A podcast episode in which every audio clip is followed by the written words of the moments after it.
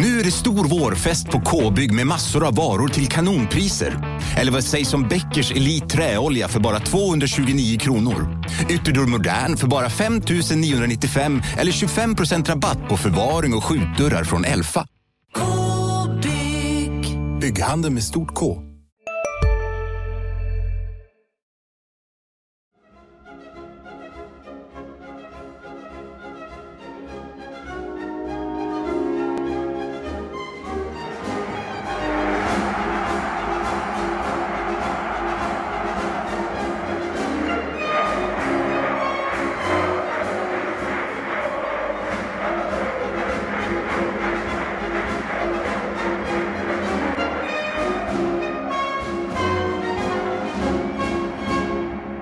Journalist, krönikör på Fotbollskanalen, TV-expert och nu också författare. Välkommen hem till Skåne Olof Lund. Tackar.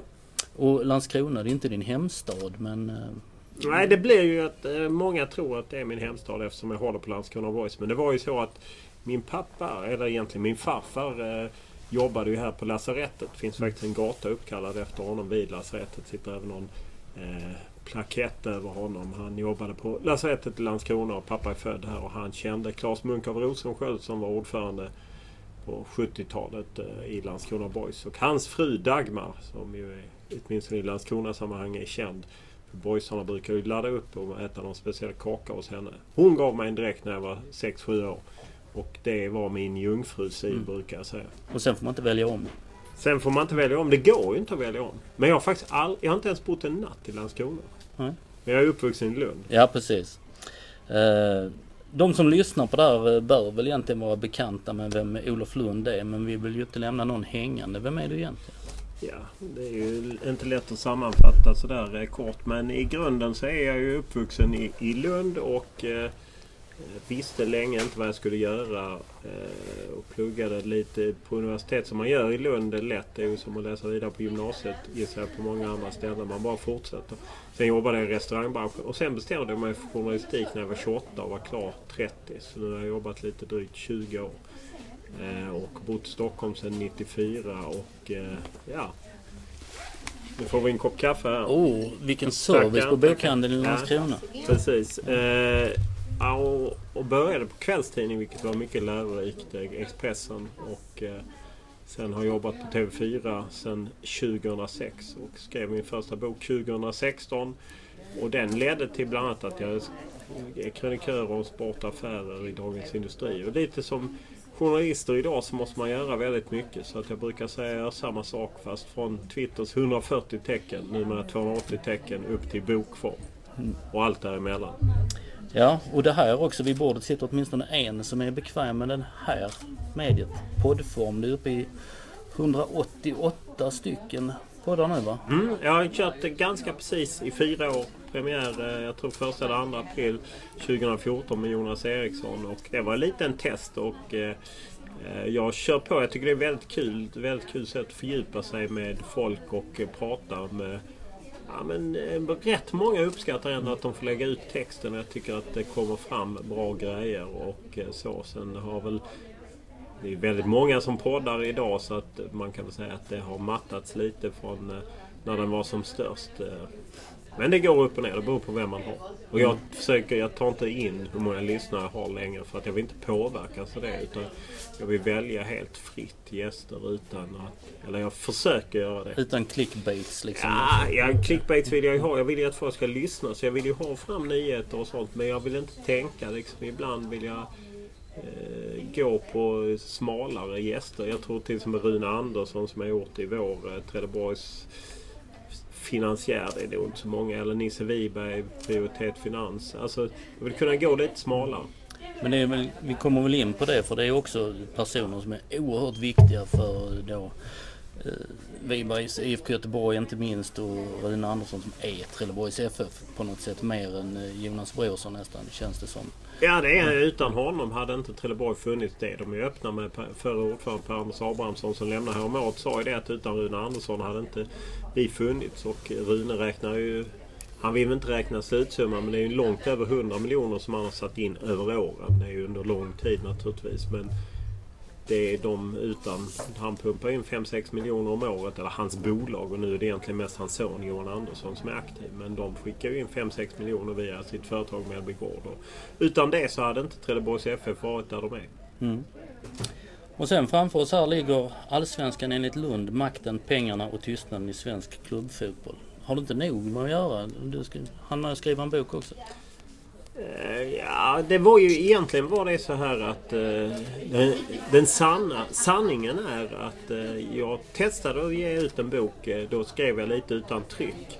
Inför EM 2016 då bestämdes det faktiskt i mars. Jag hade ju skrivit innan men i mars bestämdes det att se till att få en bok till EM. Så att på två månader gjorde vi klart den. Eh, men då var inte bokbranschen med. Eh, det vill säga att denna boken är gjord som man ska göra. Att det var lika ut ett omslag i augusti och med en synopsis till bokbranschen så att det kan beställas. Och det är därför det också är, är månadens bok på en bokhandelskedja och liknande. Att man har jobbat på rätt sätt så att säga. Sen eh, kan jag bara jobba under deadline-press. Eh, jag kan inte skriva utan tryck. Så att jag började ju skriva på denna i jag hade ju tänkt naturligtvis. Men jag började skriva på allvar första december och sen skrev jag några månader. Men jag hade bara redaktörs hjälp. Så du kan inte sätta dig som farbror Melker på Saltkråkan och bara låta orden komma till dig? Nej, jag måste ha den pressen. Jag kan inte. Sen har, håller jag på med lite för många olika grejer. Eh, eh, ja, att jag har svårt också. Att det blir... Eh, då hade jag bestämt mig att vintern skulle gå till det. Mm. Uh, vi återkommer till boken och dess innehåll såklart. Du, du fick priset som Årets Sportjournalist 2015. Ett pris, en upp, uppmärksamhet. Vad, vad innebär det? Faktum är att jag inte ens hade tänkt mig... Uh, jag är liksom ingen riktigt som passar in i, i sådana follor så att jag trodde inte att jag var aktuell för det. Men det, det året så gjorde man ju faktiskt om priset. Att, eh, från att bara varit Stockholmsjournalisternas pris så var det hela Sveriges pris med alla. Och man ville, säger man, att man ville sända en signal att liksom journalistik var viktigt om man...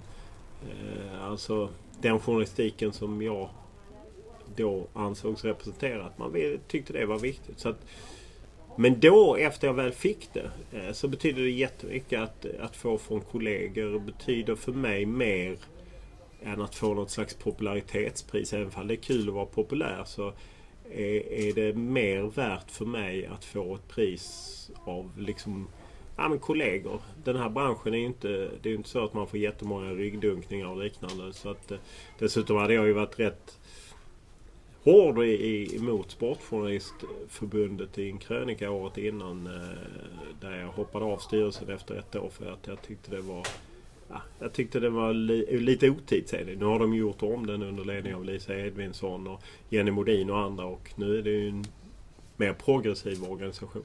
Mm. Men priset betyder mycket, det kan jag inte hymla om. Nej. Och nu blir det så lite jobbigt personligt här. För när du fick den här frågan om vem som skulle få det följande år så sa det Thomas Nilsson på Helsingborgs Dagblad att granska den lokala storklubben är inte det lättaste.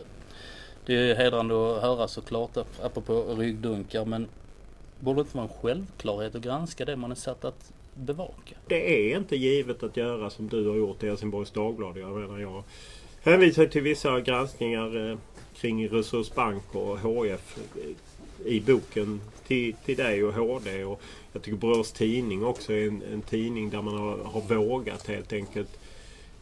Och det är ju svårt. Jag fattar ju också att liksom man ska gå ner på träningen och man ska bli Ja, det var ju flera år sedan Sten-Inge Fredin skrev något negativt om HD. Jag kommer inte ihåg hur han formulerade det i minnesskriften. Men... Jag vet inte vilka av gångerna. Ja, Nej, det är det sämsta som har hänt HF eh, under 100 år. Han sa Marian Svab. Ja, precis. Min eh, kollega. Ja, precis. Och det är ju liksom... Ja, jag tror att... Jag tror att det är egentligen journalistikens roll. Sen, eh, eller det är min bild av journalistiken. Jag fattar att det, det är ingen enkel ekvation. Men jag, jag tycker det är intressant... Och därför lyfter jag fram dig därför att du hade ju varit i några krisande år för, för eh, HF så hade ju du varit väldigt tuff och visat på en massa olika saker. Så därför, och det tyckte jag var ett bra exempel. Mm. Nej, det, det tackar jag för såklart. Och det är ju, för mig är det ju fullkomligt självklart. Precis som att man ska granska en, en kommun eller vården eh, vad som. Du har också sagt granskningen är det finaste vi journalister kan göra. Fast i fotbollens värld är det inte lätt.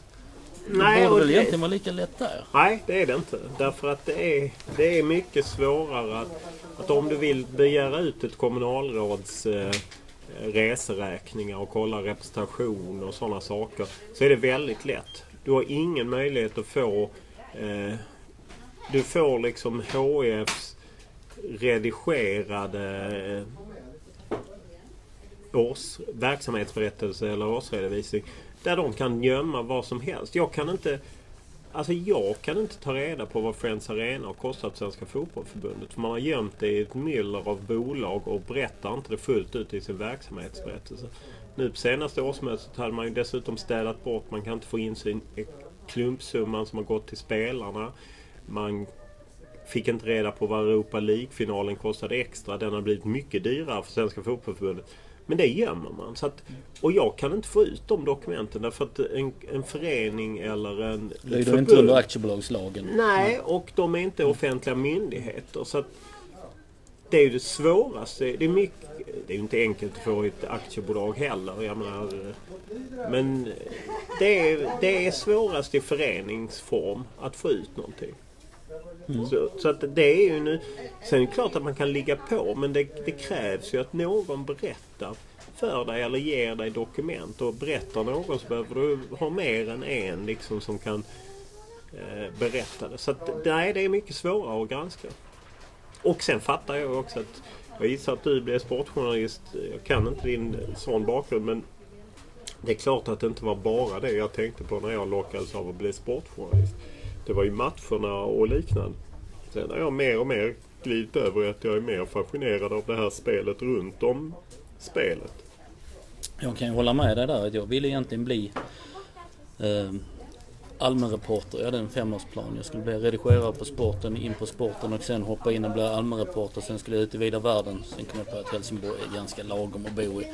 Eh, och samtidigt kom jag på att det finns ju mer utanför linjerna som kanske är minst lika intressant och jag hoppas att läsarna, eller jag vet att läsarna är intresserade. Ja, är de det? För jag, blev, jag, jag tycker i och för sig det är positivt att min bok, om man lägger ihop pocket och eh, 5000 pocket och nästan 15 000 med av den andra.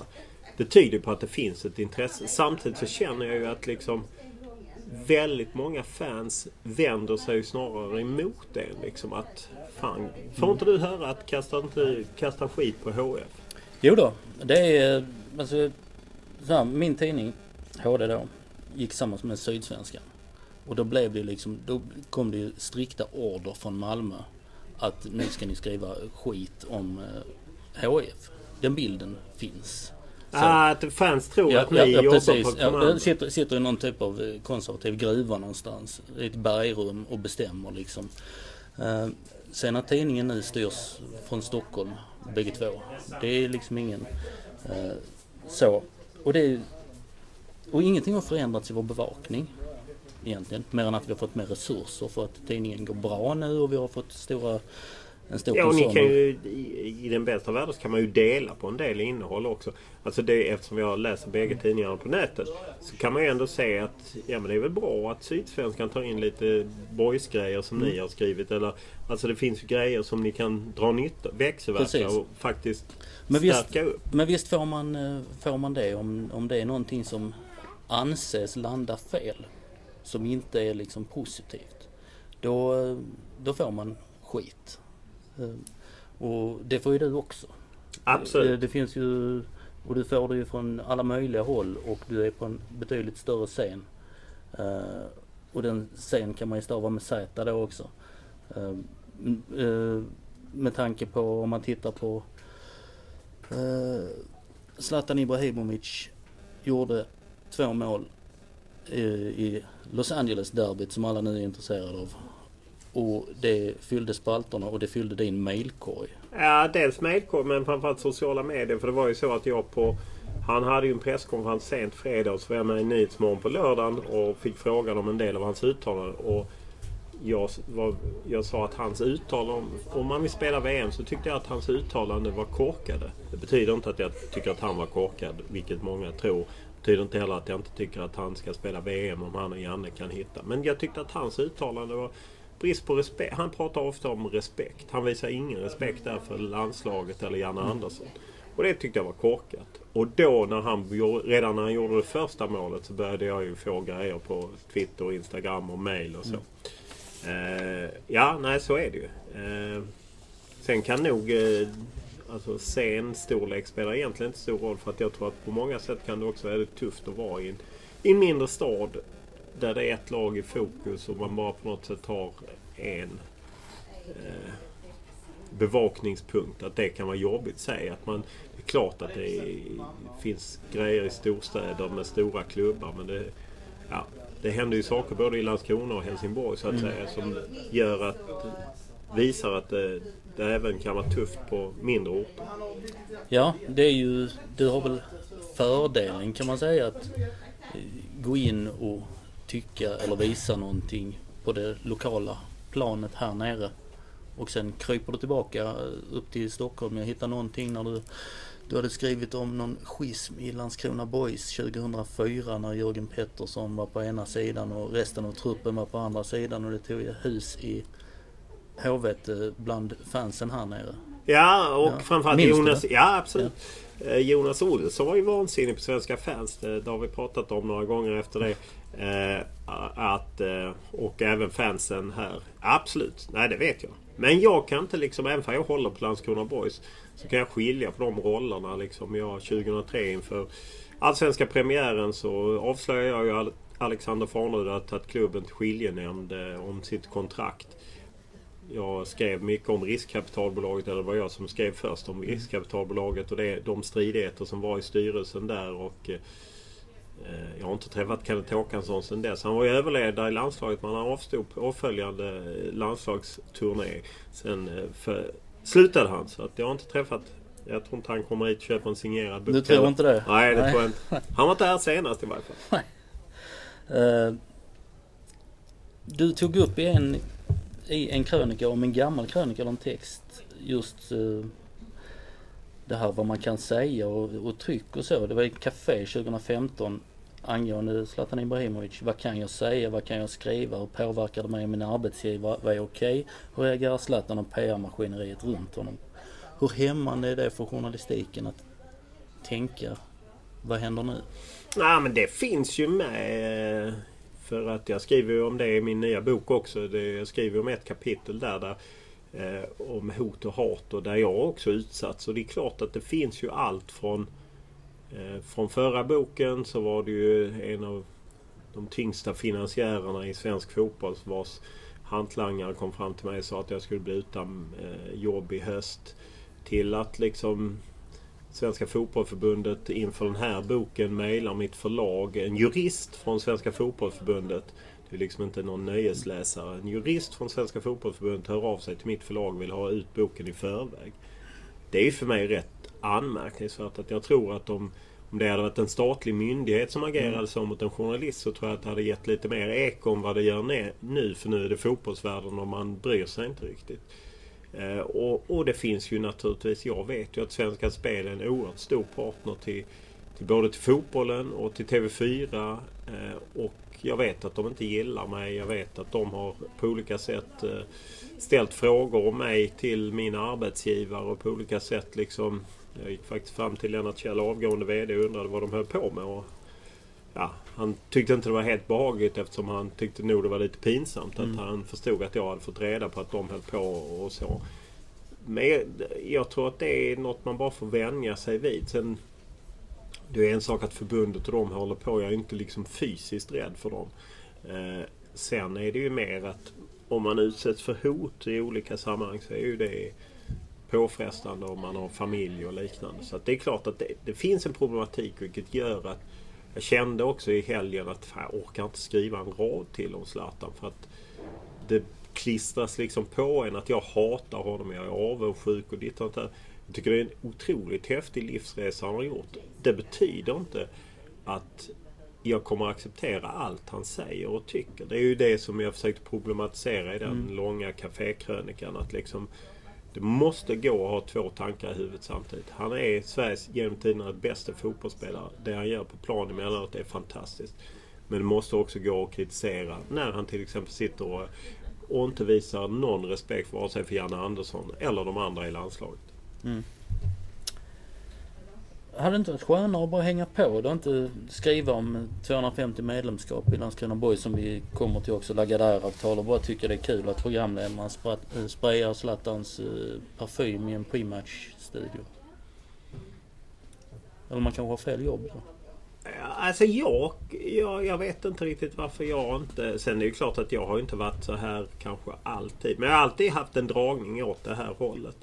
Alltså jag, det är ju någon bild jag har av vad journalistik är. Att journalistik är att man har liksom en kritisk ansats eh, till det här. Jag passar inte riktigt till det andra känner jag. Eh, jag träffade Rickard Norling på upptaktsträffen nu som var för några veckor sedan. Allsvensk upptaktsträff där alla är eh, från lag och liknande. Och vi pratar om Allsvenskan är då serien ovanför Superettan får vi säga till lyssnarna här i regionen. Ja, precis. De minns nog när det spelades allsvensk Jag tror det. Eh, Nej men då sa Rickard Nordgren, ska du inte skriva något positivt? Vi pratade lite om min nya bok som skulle komma ut då. Och för mig är det liksom... Det är tillräckligt många som skriver positivt. Jag tycker att det är ett problem att, eh, att det är för lite liksom skildringar av, av baksidan av svensk fotboll. På något sätt eh, har jag bilden av att det finns journalistik och så finns det nöjesjournalistik och så finns det sportjournalistik. Det är på något sätt uppdelat. Att det är ett annat fack med andra ingångsvärden. Att man ska vara på ett annat sätt. Är det en korrekt bild jag har? Att man... Ja, nej, men jag, jag har ju slagits rätt mycket för eh, eh, sportjournalistiken. Att den inte har... Är, får den uppskattning den är värd. Eh, och den saknas ofta liksom i, i eh, nomineringar till Stora Journalistpriset. Och antalet sportjournalister som har fått Stora Journalistpriset är ju ytterst få. Eh, det finns ju några stycken, jag vet det, och eh, några nomineringar. Men egentligen är det väldigt, väldigt få. Och, jag känner samma med liksom grävande journalister och, och, liknande. Och sen kan man argumentera att vi har varit för dåliga på att gräva. Ja, på ett sätt. Men det finns liksom slentriangrejer som inte... Som kommer igenom för att det är ett gräv om rätt ämne. Men mm. sporten lever kvar med... Vi lider fortfarande av att det är en bild av att vi åker... Eh, sportjournalister åker med i spelarbussen och dricker öl med spelarna. Det är ju oerhört länge sedan det var så och jag skulle vilja hävda liksom sen 2000 när Sportbladet lanserades, Offside kom, Svenska fans kom. Alla de tre krafterna bidrog till svensk sportjournalistik. Och, eh, jag menar, både Simon Bank och Erik Niva och det har liksom vuxit fram en massa olika profiler. Hej, Synoptik här. Visste du att solens UV-strålar kan vara skadliga och åldra dina ögon i förtid? Kom in till oss så hjälper vi dig att hitta rätt solglasögon som skyddar dina ögon. Välkommen till Synoptik. Dagens vinnarprognos från Postkodlotteriet. Postnummer 65209, klart till halvklart och chans till vinst. 41101, avtagande dimma med vinstmöjlighet i sikte. Övriga 10 500 postnummer soligt och möjlighet att vinna. Oavsett när sommaren kommer till dig så kan du och dina grannar få dela på 48 miljoner i sommaryran. Ta chansen nu i maj på Postkodlotteriet.se. Åldersgräns 18 år. Kontakta stödlinjen om du eller någon anhörig spelar för mycket och eh, personer eh, som är duktiga och det har gjorts grepp. Så att, ja, jag tycker att eh, man inte ser sportjournalistiken med de ögon man borde se sportjournalistiken. Ja, det är lite du är inne på också att det är, det är min själ inte enkelt att, att granska när man inte har handlingar och, och de offentliga handlingar och aktiebolagslagen och nej, nej. Det, det, det, är knivigare. Det är ju knivigare. Samtidigt så kan man ju säga att liksom eh, oavsett vad som var sant av SCA eh, och de, när de åkte jetplan och jagade och sånt. Det finns ju lite olika versioner om det i den maktstriden. Men så kan man ju säga att inget av det hade kommit ut utan att man hade haft läckor. För det hittar man ju inte någonstans liksom.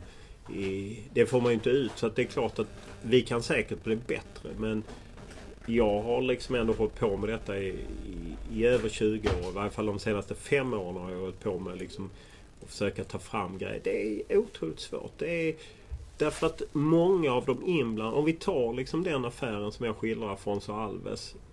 Eh, så är det ju... Jag menar Malmö FF vill ju inte berätta det. Afonso Alves vill ju inte berätta det. Afonso Alves agent som kom på sättet att lösa det här på enligt vad han säger själv, i varje fall i min bok. Vill inte berätta det. Den brasilianska klubben vill ju inte heller berätta. Alltså, nu har det gått så långt att det är preskriberat. Då kan ju någon berätta det. Men annars handlar det ju ofta om skumma affärer där ingen vill sätta åt mm. sig själv. Det är ju liksom det som är lite dilemmat. Att, att man sätter åt sig själv. Att på något sätt alla ingår en pakt att vi gör den här affären. Mm. Och, och, väldigt många vill ju inte heller att om man ser Svenska Fotbollförbundet har ju en mängd konstiga affärer med TV, kring TV-avtal där man har betalat stora summor till, till agenter och så. Och där är det så, så som jag har fått berättat för mig, att det är ytterst få som har sett de här avtalen. Därför att man vill inte se de avtalen för då blir man ju på något sätt smittad av Liksom, utan man låter några stycken hålla på med de här avtalen.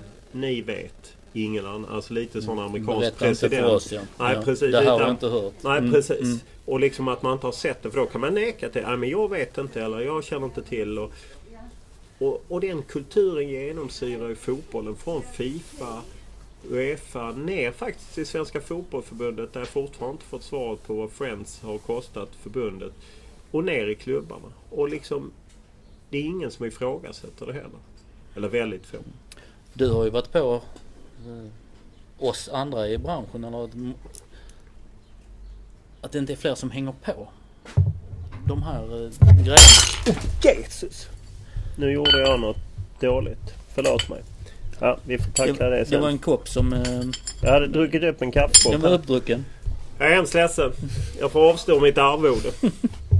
eh, Nej men eh, ja, det har jag väl varit. Alltså, och det där är ju ett ständigt problem att liksom vem ska... Vad ska man skriva och vem ska man skriva av och så. att Det man kan konstatera, och jag vet faktiskt inte riktigt varför det är så, är att vi har inte samma typ av journalistiska tradition inom sportjournalistiken att man hakar på. Att liksom när, när DN avslöjar Transportstyrelsen så skriver ändå rätt många om Transportstyrelsen. Eller eh, att då när de eh, la ut sitt IT-register på eh, icke säkerhetsklassade personal. Då skriver många om det. Så är det inte riktigt i, i sportjournalistiken. Eh, och, vi går våra egna. Vi, vi ja, värnar vår egen baby.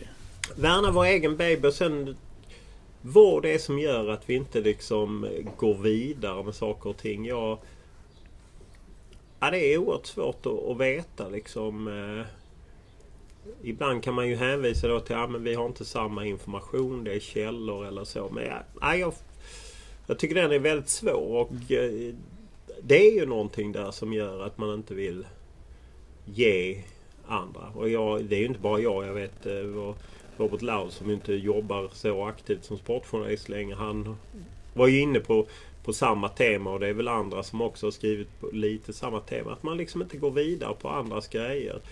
Eh, och jag vet inte om det är någon slags tävlingsinstinkt som finns mer då inom sportjournalistiken. Men det borde ju inte vara så. Du, vi, vi sitter i Landskrona som har sitt Boys. Eh, en klubb som ständigt verkar vara i hetluften. Under vintern skrev ditt Fotbollskanalen och mitt HD en hel del om turbulensen i klubben. Bland annat köpte då Peter Kondrup före detta vice ordförande 250 medlemskap blanco. Eh, vilket eh, är helt otroligt bra idé. Eh, och det ändrades sen till en gåva till ungdomsfotbollen. Men aktionen där ställde ju hela 51 procents frågan på sin spets. 51 procent att det måste vara medlemsägt till 51 procent en förening i Sverige.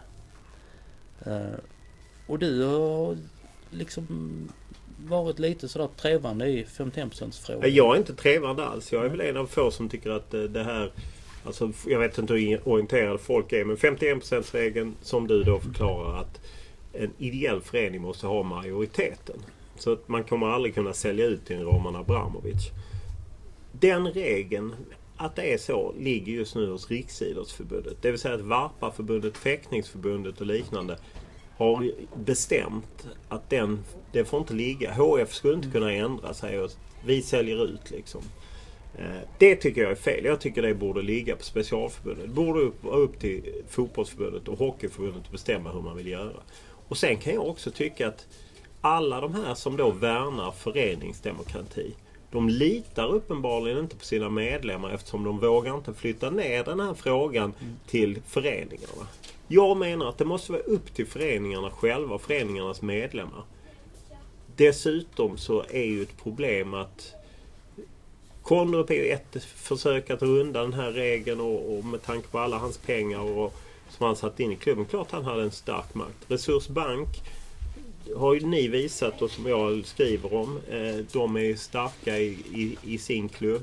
Alltså på olika sätt så går man ju runt 51%-regeln. Så för mig blir 51%-regeln väldigt mycket av en kuliss. Som alla håller upp och tycker att det är fantastiskt. Men i själva verket så är det liksom, så sköts det ju mycket mer i skymundan. Då tycker jag att det hade varit bättre om man visste liksom att jo men nu är det det här företaget eller den här kapitalisten som äger klubben. Det här gäller. Och jag kan alla säga, jo men se på Leeds som du håller på som har dåliga ägare. Jo, nu har de en bra ägare. Jag kan säga att att, att man är ägs av en ideell förening betyder inte att man är välskött. Se på Landskrona. Eller se på HF-perioder. Eller IFK Göteborg vars styrelse sålde Kamratgården liksom en klenod utan att förhöra sig med medlemmarna. Alltså hade 51%-regeln och föreningsdemokratin funkat så hade ju inte det skett. Det är mina invändningar. Mm. Så att jag tvekar inte. Samtidigt så eh, blir ju det här eh, Samtidigt blir den grävande journalistiken viktig. För hade ni var först med eh, att berätta om det här 250 medlemskapet. Där har vi, vi hängde på och hörde med juristerna det fullkomligt självklara i min värld att du kan inte köpa 250 blanko. Det går inte. Och det i sin tur gör att det kommer eh, nästan 40 procent av dess medlemmar till ett årsmöte som inte har hört sedan den gamla Rosenskölds dagar, inte ens då skulle jag, skulle jag tro. Är det inte en kraft i... Eh... Jo, men då... Eh, jag tycker det var jättepositivt det som hände i Landskrona även om de hanterade dåligt när de sköt på årsmötet. Jag körde två årsmöten. Och liknande var det ju faktiskt i AIK. Det blev en väldig samling och en ny styrelse. Låt bara då inte det bli två flugor som gör en så. Alltså, det måste bli något mer uthålligt. Därför att min bild är att det dör ut sen. Att liksom årsmötet... AIK hade ju närmare 900 eh, på sitt årsmöte och fick flytta till eh, Solnahallen från Solna gymnasiums aula. Oerhört häftigt på många sätt. Samtidigt är väl det... De har väl 10 000 medlemmar eller någonting sånt. Och årsmötet innan det hade de runt 150 röstberättigade. Mm. I AIK stod... Alltså, för mig är det, det är för få som utnyttjar det och då har jag, tycker jag att då borde man gå mot liksom någon slags digital demokrati. Att, varför dröjer det? Jag menar vi kan göra allting. Vi kan liksom deklarera i förväg via eh, någon slags eh, mobilt bank-id. Varför skulle vi inte kunna rösta i ett årsmöte? Mm. Det kan inte jag förstå. Det är väl det konservativa i idrotten och framförallt fotbollen kanske? Konservativa plus att det finns de som har makt på det gamla sättet som absolut inte vill riskera att bli av med sin makt. Mm. 2020 kickar ett nytt TV-avtal in som mer än fördubblar intäkterna för klubbarna. Du skriver också i boken om storklubbarna. Malmö, AIK, Djurgården, Hammarby, IFK Göteborg som vill se över fördelningen. Hur är fördelningen föreslagen? Fördelningen som gäller och som då de vill se över är ju att först och främst så tar man alla intäkter och så delar man så att Allsvenskan får 75% Superettan får 25%. Sen i Allsvenskan så fördelar man då tar man eh, de fem senaste årens sportsliga resultat och en viss fördelningsskillnad. Så att Malmö FF som ligger högst upp eftersom de har tagit 4-5 SM-guld, inte så konstigt. Eh, de fick 17 miljoner medan det sämst placerade laget fick 10 miljoner. Eh, och jag, kan, jag måste säga jag förstår de större klubbarna. Dels tycker jag att det är för mycket och det slår mot Landskrona Boys eh, och KF. Men jag tycker att 75-25 är liksom det är en helt skev fördelning därför att Superettan är inte värd det. Sen kanske man vill ha viss inkomstfördelning, alltså att man jämnar ut. Norge har man 81-19. Det tycker jag är mer, mm. kanske mer rimligt. Sen i Norge, där har man dels att man tar hänsyn till uppmärksamhet och publiksiffror och sådana, en viss del. Också spelarutveckling. Jag tycker att man måste ta in andra parametrar än bara fem senaste sportliga resultat. Så Hammarby ska ha mer än Häcken till exempel? Ja. Om tittar på publik? Ja, åtminstone ja. en parameter ska vara, vara utifrån liksom eh, publikintresse. Det är ju bara rent krast den som tror att Häcken eh, BP lockar några skaror till, till TV-apparaten och som bidrar till TV-intäkterna. Den tror fel. Och det har inte någonting om att jag inte har respekt för både Häckens verksamhet eh, eller BP's verksamhet. Alltså så. Det är bara rent krast att det är så. Det måste synas på något sätt.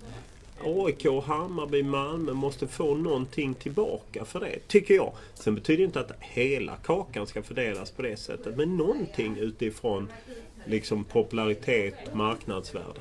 Mm. Blir det inte mer en polarisering i, nu är jag en hopplös nostalgiker, polarisering i, i fotbollen? Eller är jag kvar vid att eh, liksom, vi har det socialdemokratiska Sverige som har varit i alla ska, alla ska ha påsar liksom. Ja, och ja, nej men du har ju rätt i för att eh, det är ju en av teserna som jag driver eh, är ju att liksom allt är avreglerat i Sverige utom eh, idrotten. Och på ett sätt är det ju det. Och då lägger jag egentligen ingen värdering i, i avregleringen. Jag bara konstaterar att det är så att omvärlden har förändrats. Eh, det är klart att det skulle bli mer polariserat men det är ju inte så att Hammarby har vunnit, som är det största publiklaget, har vunnit hela tiden. Häcken har en ungdomsturnering som är oerhört välskött som ger dem en stark ekonomi. Malmö har bättre klimat än Östersund. Alltså, vi kan ju aldrig utjämna, liksom, livet är orättvist. Om man är en större klubb som på något sätt bidrar mer till Allsvenskan, då borde man få lite mer. Jag säger inte att det ska vara att publiksiffrorna ska avgöra alla intäkter. Det ska vara sportsligt, det kan vara också eh, att det här hur man utvecklar spelare som man har i Norge. Så jag tycker det är en intressant del. Utveckla spel, spelare och även tränare. Och sen så kunde man ha någon parameter som gäller kring... Eh, men jag har ju mer bara beskrivit deras tankar och jag kan förstå dem. Mm. Ja, det var inte länge, särskilt länge sedan HIF kanske kunde räknas till det topp 5 du beskriver där och eh, det är väl inte helt orättvist att säga att de skulle kunna vara en topp 6 för en sju år sedan kanske? Sex. Nej absolut, det var ju de, jag menar eh, De hade ju en period när de vann både cup och, och SM-guld och liksom bra drag på Olympia och eh, liksom ja, Så att absolut hade de kunnat vara med i den eh, kategorin av klubbar på den tiden. Ja. Och det är svårt att sitta nu och vara ja. med i det gänget när man är slutade sjua i, ja. i Superettan. Men de kanske tänker lite längre fram och då kan de inse att de antagligen inte ligger kvar i Superettan om två år så att de kanske röstar. Jag bara tycker att den, hela den organisationen är otidsenlig. Att Frej och Landskrona Boys för den delen har lika mycket att säga till om i en fråga om fördelning som Hammarby och AIK. Eh, alltså för mig är det ologiskt att Frej och Värnamo... Alltså, man måste dela på och Allsvenskan och Superettan på något sätt. Jag, jag, tror inte SEF kommer att överleva i den form om man inte gör om det. Det är, så, det är den stämning jag tolkar bland de större klubbarna. Att vi får en, eh, men ni kan aldrig betala med en utbrytning som vi såg i tidigt 90-tal i, i England? Nej, det tror jag inte. Men, eh, och jag, det, det kanske inte gå, kommer gå hela vägen som SHL och Hockeyallsvenskan där man ju också... SHL har ju brutit eller är ju väldigt mycket starkare än vad förbundet är. Eh, och eh, Man vill ju inte gå hela vägen dit och, och många av de som driver den här utvecklingen menar att även om man gör om fördelningen så kommer ju Superettan få väldigt mycket mer pengar i och med att TV-avtalet går från runt nu är det runt 230-240 miljoner om året till bägge serierna. Mm. Och så kommer det gå till 540-550 och upp till 570 till bägge serierna. Så att även om Superettan skulle avstå 5%, gå från 25 till 20, skulle de ändå få väldigt mycket mer pengar. Mm. Zlatan Ibrahimovic, varumärket som du vi har varit, varit inne lite på. Sportjournalister som varumärke. Du själv är ett varumärke. Du har ju till och med en eh, PR-människa till din bok om inte annat. Ja, det är ju förlaget som ja. står för det. Jag har inte det till vardags. Du, du har inte någon som är hemma och gör din... Nej. Lägger din Nej, men det är ju klart att det, det, så är det ju. Alltså... Eh, den delen finns ju med. Eh, sen kan inte jag... Det är inte så att jag, när du gjorde din femårsplan för hur, hur, hur din karriär skulle se ut så hade jag liksom ingen femårsplan utan jag tänkte bara Först och främst var det för ett vikariat, sen var det för ett jobb. Och liksom, mm. Jag har aldrig tänkt längre än så. Men jag, det är klart att jag inser att, eh, att eh, jag menar förlaget ger ju inte ut en bok med, av mig av välgörenhet. Eh, det gör inte, Dagens Industri låter inte mig skriva krönikor av välgörenhet. Så det är ju klart att det finns den delen i det. Och det, och det måste man ju på något sätt lära sig navigera. Och jag, eh, jag, gör ju, liksom, jag vill ju göra intervjuer nu därför jag vill ju ut min bok naturligtvis. För att jag, eh, det är klart att det finns en kommersiell del i det men jag är liksom inte på Läckberg GV-nivån. Det är liksom inga pengar som eh, jag kan sluta jobba utan det, är ju, det ger lite extra pengar ovanpå. Men för mig är helt ärligt det viktigaste att få ut story. Därför att jag tycker att det är en viktig journalistisk story. Och jag kan inte göra det på annat sätt. Det får en annan jag kan inte liksom... Det går inte att paketera det i TV. Eller jag kan inte paketera det i TV. Jag, kan inte, jag har skrivit, det mesta det jag skriver har jag skrivit i krönikor genom åren på Fotbollskanalen. Det är mycket av det jag upprepar. Men det får en annan sprängkraft när man sätter det i en bokform och lägger ihop saker efter varandra. Samtidigt sitta med den här är väl ett skönt kvitto på att, som du funderar också, är folk intresserade? Ja, andra upplagan ska väl tryckas va? Andra upplagan är redan beställd. Faktiskt böckerna är slut på förlaget och eh, jag sålde slut alla böcker på Glerups när jag var där i Lund och signerade. Och, eh, så att det verkar ju finnas. Sen får man vara återigen. Det är liksom inte GW Persson. Mm. Det är inte ens jag är en spigg i, i författardammen. Eh, men det finns ett intresse och det tycker jag är väldigt kul. Ja men det är väl ett, ett skönt kvitto. Ja absolut. Nej det är kul, det är kul att folk, eh, folk är intresserade. Av det som i, i vad, vad det står om makten, pengarna och tystnaden. Just att man vill höra tystnaden. Ja. Du, eh, spelar Zlatan VM? Jag tror inte det. Varför? Jag tror egentligen han är mest förnärmad över att han inte finns med mer i diskussionerna. Men Sen finns ju den här spelproblematiken. Han har ju gått in som delägare och frontfigur i ett spelbolag och det gör att det blir svårare. Både, dels är det ju egentligen omöjligt för Svenska Fotbollförbundet och Svenska Spel med hur de har agerat mot andra. Sen vet jag ju hyckleriet att de kan säkert ändra på det. Men det visar ju sig också som Aftonbladet avslöjade att Fifa har ju rätt starka regler. Eh, och sen så verkar det inte som att eh, Zlatan är intresserad av att ringa Janne. Och Janne kommer inte ringa Zlatan. Utan han har ju sagt att Zlatan har sagt till mig att han har slutat i landslaget. Och uh, han, Pontus Wernbloom, Andreas Isaksson och alla andra som har slutat i landslaget. Om de är intresserade av att vara med igen, då får de höra av sig. Och det tror inte jag att Zlatan kommer göra. Så jag tror att det är lite för många hinder. Spelar HIF i Superettan 2019? Nej, det tror jag inte. Jag tror att HF eh, går upp. Eh, för, ja, de är lite svårbedömda och det är en oerhört svår serie. Att liksom, det är en konstig serie. Men jag tror att när de får hem Granqvist och Per Hansson hoppas jag hittar tillbaka till det han mer var. Då kommer där finnas en stomme som ska räcka att ta dem upp i Allsvenskan. Och spelar Boys i Superettan 2019? Ja, för klubbens del hoppas jag vid gud det. Eh, däremot är det oerhört svårt att veta om de klarar sig kvar. Med tanke på att alla dessa sponsorer, framförallt styrelseledamoten Peter Kondrup som gjorde sina satsningar med hjärtat för klubben. Nu är, drog tillbaka sina pengar. Jag såg att han även blev huvudsponsor eh, till något, på något sätt i HF. Ja, en tröjsponsor ja. kom eh, samma dag som eh, det stod klart att... Ja. Så att, och det kommer... Nej, de har det ju oerhört tufft redan innan att klara elitlicensen och även om det finns en viss period emellan och sen så... så att för klubbens överlevnad så tror jag att eh, Superettan hade varit... Att det gick bra lite sportsligt. De fick lite publikintäkter och ett derby nu i maj mot HIF. Alltså liksom att de fick lite eh, andrum. Eh, sen vet man inte vad som händer med hela den här soppan med Petter Svärd som skulle bli tränare som blev man, eh, sportchef istället och Game Soppy som har gjort ett jättebra jobb. Ah, nej, det är en röra. Men eh, det ska ju avgöras på planen och eh, det kan det göra. Så jag hoppas för deras skull att de är ett superettanlag.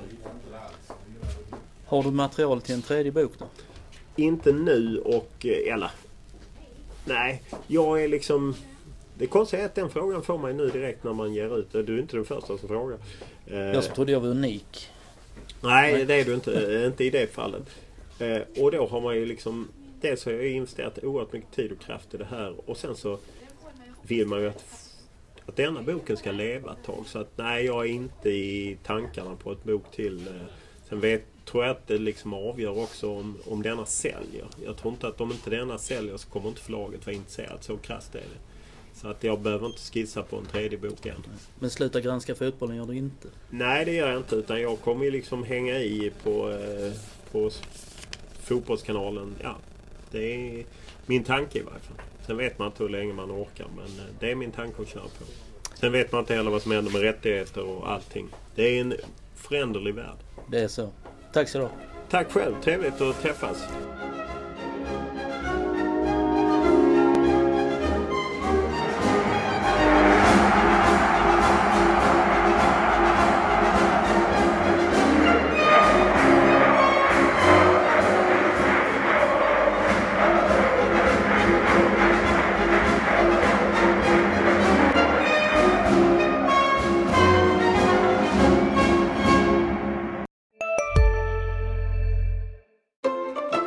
Sista dagarna nu på vårens stora season sale. Passa på att göra sommarfint hemma, både inne och ute. Och fynda till fantastiska priser. Måndagen den 6 maj avslutar vi med Kvällsöppet i 21. Välkommen till Mio. Finns det något bättre än riktigt gott färskmalet kaffe på morgonen? Det skulle väl vara en McToast med rökt skinka och smältost. Och nu får du båda för bara 30 kronor. Välkommen till McDonalds.